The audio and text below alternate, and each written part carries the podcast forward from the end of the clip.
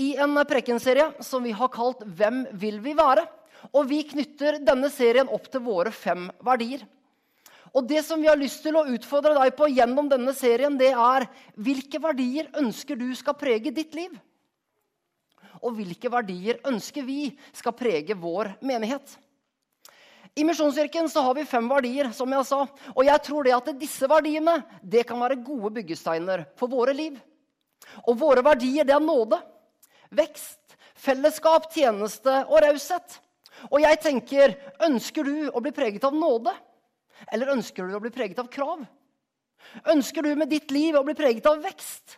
At du skal være vekst og utvikling? Eller du å bli av, eller vil du bare bli preget av stabilitet, som kanskje hindrer vekst? Ønsker du å være preget av et fellesskap? Eller vil, du, eller vil, du, bli preget av selvstendighet, hvor du bare har nok med deg og ditt? Ønsker du å være med og tjene andre? Eller vil du bare bli betjent? Og til sist, ønsker du å ha en raus holdning og vise raushet? Eller vil du bare være likegyldig? Og dette det er temaet som vi ønsker å belyse gjennom denne serien. Så langt så har vi talt over temaene nåde og vekst, mens i dag så er altså temaet fellesskap. Jeg skal begynne med å si det at eh, jeg skal begynne med å løfte den her litt opp, for at jeg har blitt så høy i det siste. Skal vi se. Sånn. Så bra.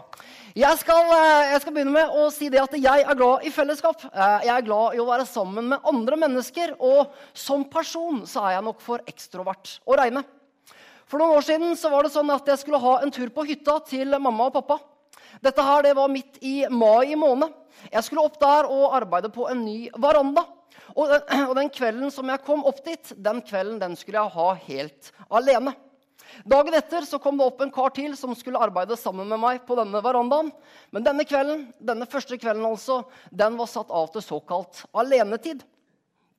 Det hadde vært en travel tid på jobb. Det hadde vært mye mennesker hele tida. Så det var sånn at eh, jeg tenkte egentlig at det skal bli deilig og så få en kveld helt alene i stillhet, fred og ro på hytta. I bare stillhet. Jeg kjørte hjemmefra. Kjørte opp til hytta i et uh, nydelig solskinn. Jeg hadde en fantastisk flott tur i bilen med musikk på anlegget. Det var godt og varmt. Og jeg tenkte med meg selv der jeg kjørte, det skal bli deilig å få litt tid alene med alle tankene mine.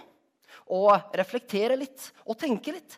Og jeg tenkte videre nå skal jeg virkelig få tid til å reflektere litt over livet. Etter noen timer i bil så kom jeg endelig opp på hytta. Været det var upåklagelig. Jeg lagde meg en kopp kaffe, og jeg skulle sette meg ut i fred og ro og bare nyte stillheten. Og Da satt jeg alene og tenkte, og det var egentlig det som var planen hele den kvelden. Men etter et kvarter, etter 15 minutter, så innså jeg det at eh, jeg hadde ikke mer å tenke på. Og da begynte jeg å bli rastløs, og jeg spurte meg selv skal jeg virkelig være her i hele kveld helt alene. Jeg likte ikke helt den tanken, så jeg ringte en kompis og spurte om han ville komme ned en tur. Det ville han heldigvis, eh, og vi hadde en flott tid i sammen. Og slik gikk det med min alenetid. 15 minutter det var egentlig helt passe, og absolutt nok, og kanskje litt i meste laget. Jeg vet det at uh, Som mennesker så er vi forskjellige. Noen er introverte og trives godt i eget selskap og trenger en del tid alene. Mens andre de er ekstroverte og får mer energi av å være sammen med andre mennesker. Der er vi forskjellige, og jeg skal innrømme det at jeg faller nok i kategori to. Men uansett, enten om man er introvert eller ekstrovert, som mennesker så er vi skapt til fellesskap. Og ingen av oss vil fungere optimalt alene. I første Mosebok så leser vi om Adam, det første mennesket som vandret rundt i Edens hage. Han levde i perfekte omgivelser. Det var ingen sykdom, det var ingen synd, det var ingen stress. Det var ikke noen ting som kunne forstyrre freden og harmonien. Men allikevel så står det om Adam det var ikke godt for mennesket å være alene. Selv der, i perfekte omgivelser, så var det ikke godt å være alene. Og Gud skapte Eva. Kvinnen kom inn i bildet, og da ble det liv i leiren, og da kom stresset. Neida. Men i hvert fall, det første poenget mitt det er det at vi er skapt til fellesskap. Og det skal vi se mer på i dag. Og vi skal se på to ting i forhold til fellesskap. For det første at du og jeg trenger fellesskap. Og for det andre at fellesskapet trenger deg. Og vi skal også knytte dette opp mot gruppefellesskap, bl.a. i menighet. Men altså, for det første, første som vi skal se på, det er det at du og jeg, vi trenger fellesskap. For snart elleve år siden så gikk jeg gjennom min tøffeste periode i livet med utbrenthet og depresjon. Jeg har tidligere delt en del fra det, så jeg skal ikke fortelle hele den historien i dag. Men saken var den at eh, livet var vanskelig. Jeg husker det at jeg var sliten. Jeg sleit med å stå opp om morgenen. Det var lite som ga meg glede. Og livet det var fryktelig vanskelig og gikk imot. Og når livet gikk imot, da skal jeg love dere det at det var godt. Og det var også helt nødvendig å få lov til å være en del av et fellesskap. Og Jeg husker det at jeg var en del av en smågruppe på Ansgarskolen hvor jeg studerte i Kristiansand. Og I den smågruppa, en liten bibelgruppe om du vil, så kom vi ukentlig sammen for å dele liv. Og det var godt å kunne fortelle hvordan en hadde det, og man kunne bli bedt for. Det var ingen som kunne komme med en rask løsning på mine problemer. Fordi det fantes ingen raske løsninger. Men jeg fikk lov til å dele min smerte. Jeg fikk lov til å dele det som lå på mitt hjerte. Og det hjalp. Gruppefellesskapet det var en enorm styrke. Og i gruppa så fikk vi dele liv. Og vi erfarte alle sammen det at delt smerte, det er halv smerte. Jeg hadde også gode venner som stilte opp. En kompis av meg, Eirik, han ringte stadig. Og han var flink til å dra meg med ut på ting, så jeg ikke ble sittende inne. Og vi spilte mye bowling sammen i den tida. Fellesskapet med Eirik det handla kanskje mindre om det åndelige og det å dele liv. Men fellesskapet der det handla om å komme ut. Det handla om å finne på ting og aktivisere seg. Og vennskapet det var en enorm styrke for meg, og det var kjempeviktig. Og så valgte jeg også å være en del av det store menighetsfellesskapet. Jeg valgte å ikke trekke meg ut når ting var vanskelig. Men jeg valgte å komme akkurat sånn som jeg var. Jeg var åpen om hvordan livet var, og så opplevde jeg det at jeg ble møtt med godhet. Og det store menighetsfellesskapet, det å kunne komme sammen på søndagen, det var en kjempestor styrke for min del. Og jeg tror det at for oss mennesker så er det avgjørende å få lov til å være en del av et fellesskap. Et fellesskap hvor vi kan kjenne på trygghet.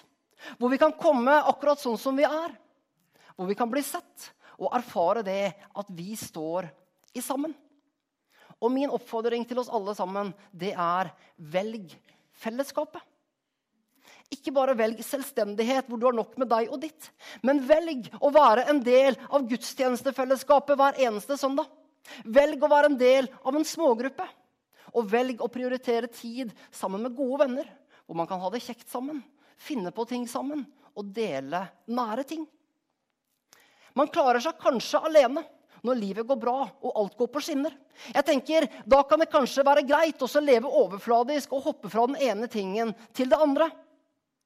Men når livet går imot, og det gjør det for oss alle sammen fra tid til annen, da trenger vi et fellesskap som stikker dypere, og som kan hjelpe oss opp igjen. For noen år siden så var Gunn Rakel og meg, kona mi, vi var en del av en husgruppe ute på Bryne med en gjeng venner. Og Der hadde vi et eh, flott fellesskap, gode folk, og vi fikk lov til å dele liv sammen. Men jeg skal også innrømme det at jeg synes det var litt sånn her et tiltak mange ganger å skulle reise ut annenhver tirsdag kveld klokka syv for å delta. Fordi vi hadde akkurat kommet hjem fra jobb. Vi hadde kanskje spist litt, slappa av litt osv. Og, så og så skulle vi ut igjen.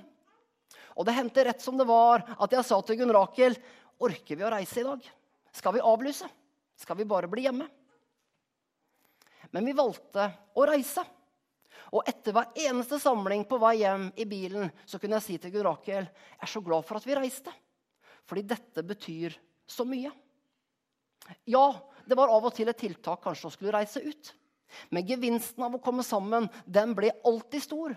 Og jeg kjente meg alltid beriket etterpå. Jeg drømmer om at vi skal bygge gode, inkluderende fellesskap hvor mennesker kan komme akkurat sånn som de er. Fellesskap hvor eh, vi kan dele liv sammen. Hvor eh, vi kan akseptere hverandre akkurat sånn som vi er. Fellesskap hvor vi kan heie på hverandre, stå, stå skulder ved skulder og støtte hverandre. Fellesskap hvor vi hjelper hverandre når det trengs. Fellesskap hvor vi gleder oss sammen når ting er bra. Og fellesskap hvor vi kan gråte sammen når ting er vanskelig. Fellesskap som ser, som tar vare på, og som bryr seg. Jeg tror det at vi som enkeltmennesker, vi trenger det. Jeg tror det at vi som menighet trenger det. Og jeg tror også at det samfunnet generelt lengter etter fellesskap hvor en kan senke skuldrene, ta av seg maska og komme akkurat sånn som en er. Når vi leser om Jesus i Bibelen, så ser vi at Jesus han prioriterte å bygge fellesskap. Jesus han begynte sin tjeneste med å knytte til seg personer. Han hadde tre nære venner, Peter, Jakob og Johannes. Han hadde en større gruppe av tolv disipler og en enda større gruppe på 70 mennesker rundt seg. Jesus han prioriterte relasjoner, og jeg tror det at vennskap det var enormt viktig for Jesus. Og så er det også sånn at Når Jesus senere skulle sende ut disipler til tjeneste, så sendte han de aldri alene. Men han sendte de alltid sammen med andre. Hvorfor? Jo, fordi vi er sterkere sammen. Ved et par anledninger så leser vi i Bibelen at disiplene opererte på egen hånd. Og da var de ofte i trøbbel. Peter han var alene da han fornektet Jesus. Alene så klarte ikke han å stå opp for det han trodde på. Og Judas han var alene da han gikk med på å forråde Jesus. Hva lærer vi av dette? Jo, at vi er sterkere sammen. Og fellesskap, relasjoner og gode vennskap, det er avgjørende for oss mennesker. Derfor, for det første, velg fellesskapet. Og så har jeg lyst til å oppfordre deg til å bli med i en smågruppe her i menigheten. En gruppe hvor man kan komme sammen, dele liv, stå sammen, støtte hverandre, heie på hverandre og bygge hverandre opp. Derfor, for det første, velg fellesskapet. For det andre, som vi skal se på i dag, det er det at fellesskapet trenger deg. Du skal vite det. At du er med den du er, bare ved å være til stede. En viktig bidragsyter for å bygge fellesskap. Og Den setningen den synes jeg er så god at den fortjener nesten en plass på Twitter. Derfor skal vi ta den en gang til. Du skal vite det at du er med den du er, bare ved å være til stede. En viktig bidragsyter for å bygge fellesskap. Jeg fortalte tidligere at Gunnar Akel og meg vi var med i en husgruppe ute på Bryne. Og jeg synes mange ganger det var et tiltak å skulle reise ut annenhver tirsdag kveld for å delta. Men saken var den at eh, vi reiste ikke bare for oss selv. Vi reiste også fordi vi hadde noe å bidra med. Og vi var viktige for bygging av fellesskap i den gruppa. Ingen av oss hadde noen lederrolle i gruppa. Ingen av oss hadde noen viktig oppgave. Men for bygging av fellesskap så var det enormt viktig at vi også, sammen med alle de andre, var til stede. Og, og nå har jeg lyst til å si noe til oss alle sammen. lyst til å si noe til deg, Og det er det at du skal vite det. At du er enormt viktig for bygging av gode fellesskap. Bare ved at du er til stede. I forhold til menigheten så kjenner jeg på en stor glede hver eneste søndag over å se deg og dere komme til gudstjeneste. Og når vi kommer sammen. Og når jeg hilser på deg, enten i døra bak eller i benkeradene, så tenker jeg takk for at du kommer. Takk for at du er her. Takk for at du er en del av å bygge dette menighetsfellesskapet. For bare ved at du er til stede, så er du med å bygge fellesskap. Videre i forhold til menigheten. Vi ønsker å bygge smågrupper. Fellesskap som kan møtes ukentlig, som er mindre enn gudstjenestefellesskapet. Og skal vi lykkes med det, så er det viktig at vi alle sammen bidrar. Vi har et stort mål om å inkludere nye mennesker i våre samlinger. Vi ønsker at dette skal være et sted som det er lett å invitere til, og hvor mennesker kan få nye venner. Og skal vi lykkes med det, så er vi avhengig av at det er vi som har gått her en stund, at vi stiller opp. For det er vi som må invitere. Det er vi som må begynne med å invitere og åpne opp livene våre for nye vennskap og nye relasjoner. Og jeg tenker, Bygging av gode, inkluderende, varme, varme fellesskap det begynner med den enkelte av oss.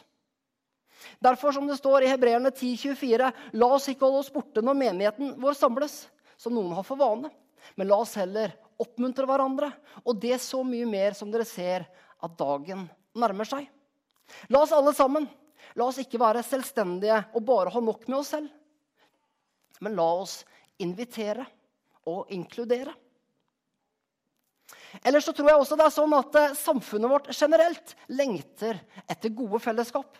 Og jeg tenker, Der kan vi alle sammen være med og bidra og gjøre samfunnet vårt varmere.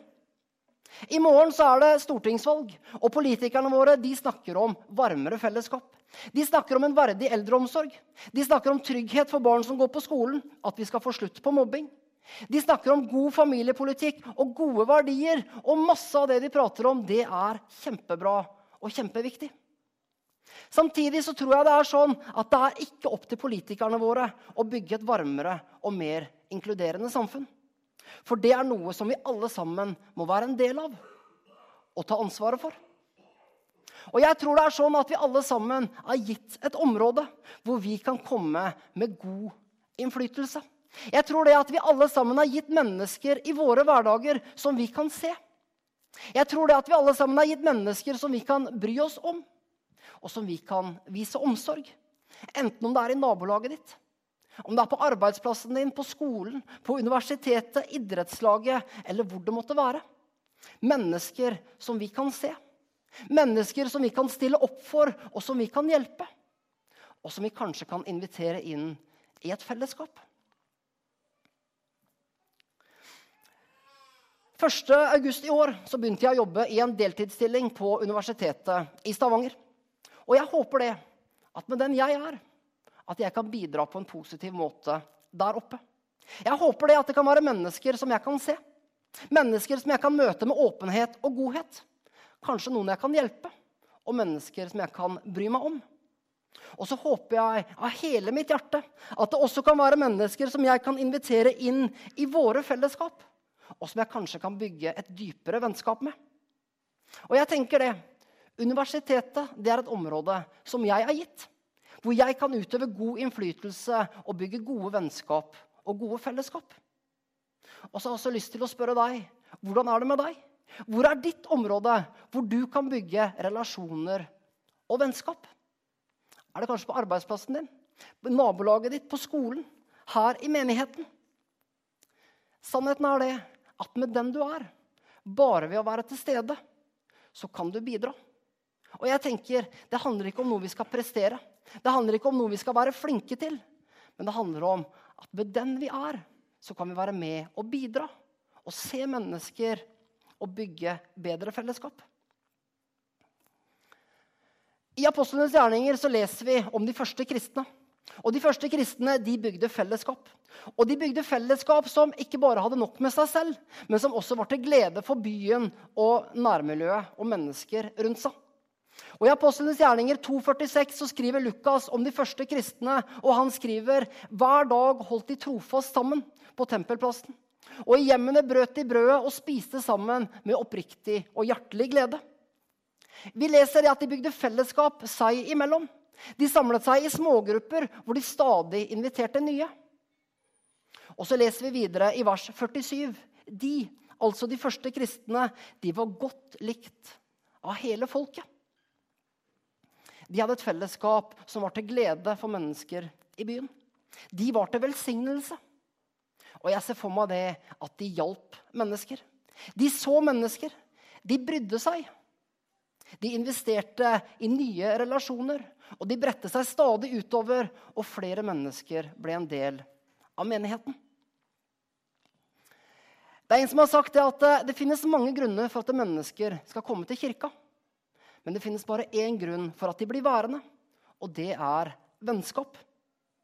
Og jeg tenker, Det handler om vennskap og fellesskap med Jesus. Ja, Og så handler det også om vennskap og fellesskap oss mennesker imellom. Fellesskap med hverandre.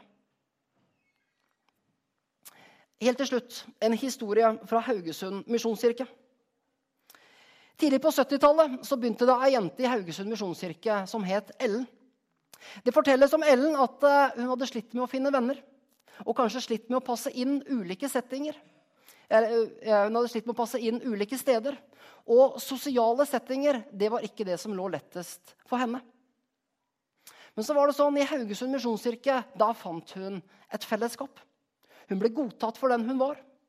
Hun ble sett, hun ble anerkjent, og hun fikk nye, gode venner. Ellen hun trivdes godt i fellesskapet i menigheten. Og hun var trofast med på samlinger og møter hver eneste uke.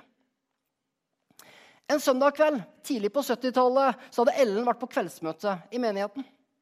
Men på vei hjem så skjer det tragiske.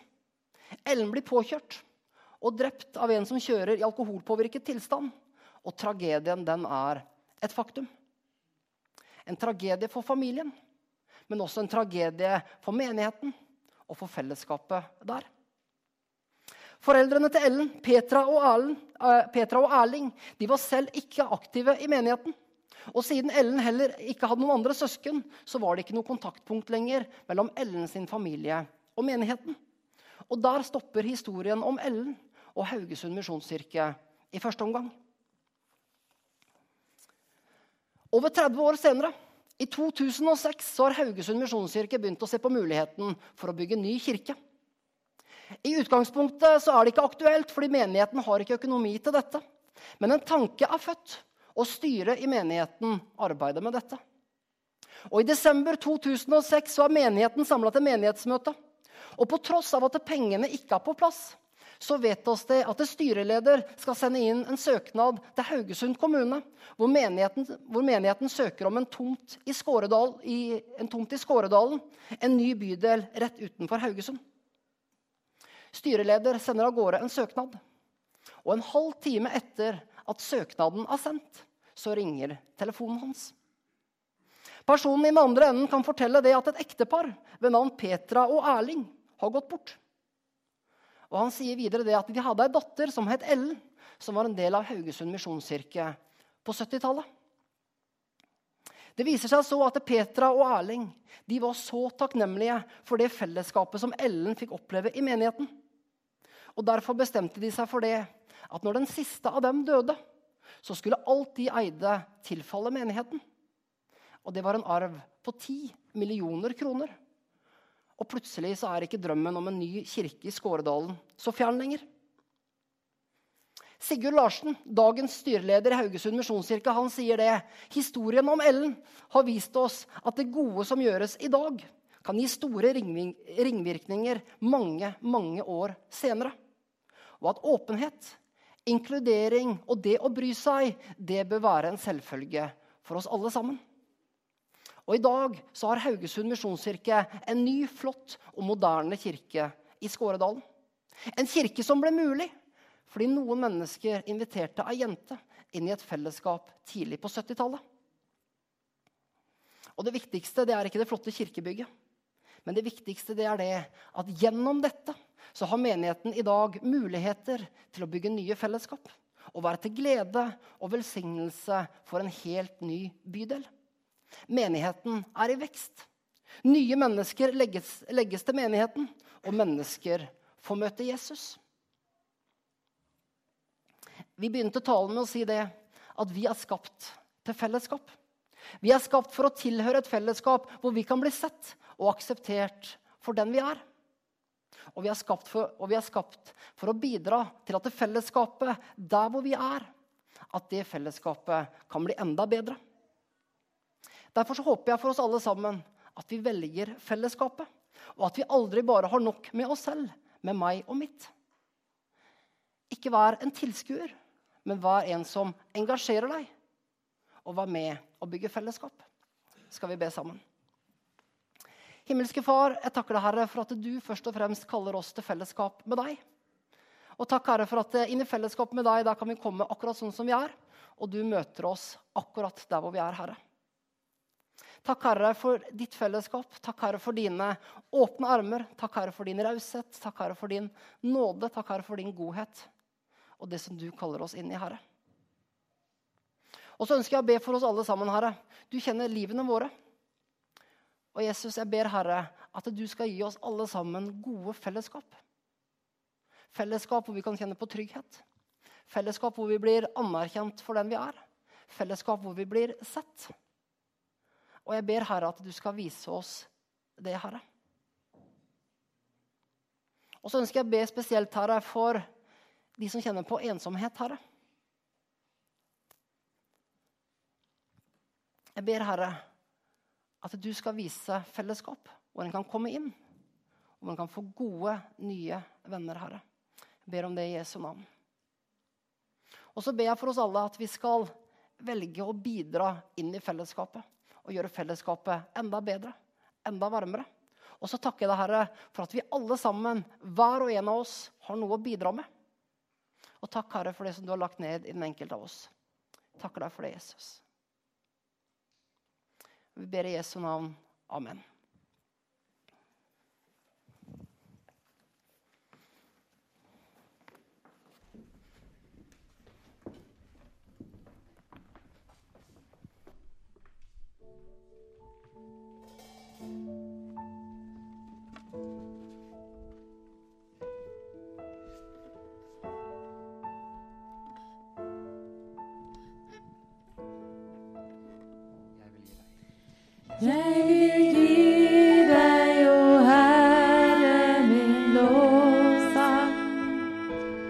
Yay!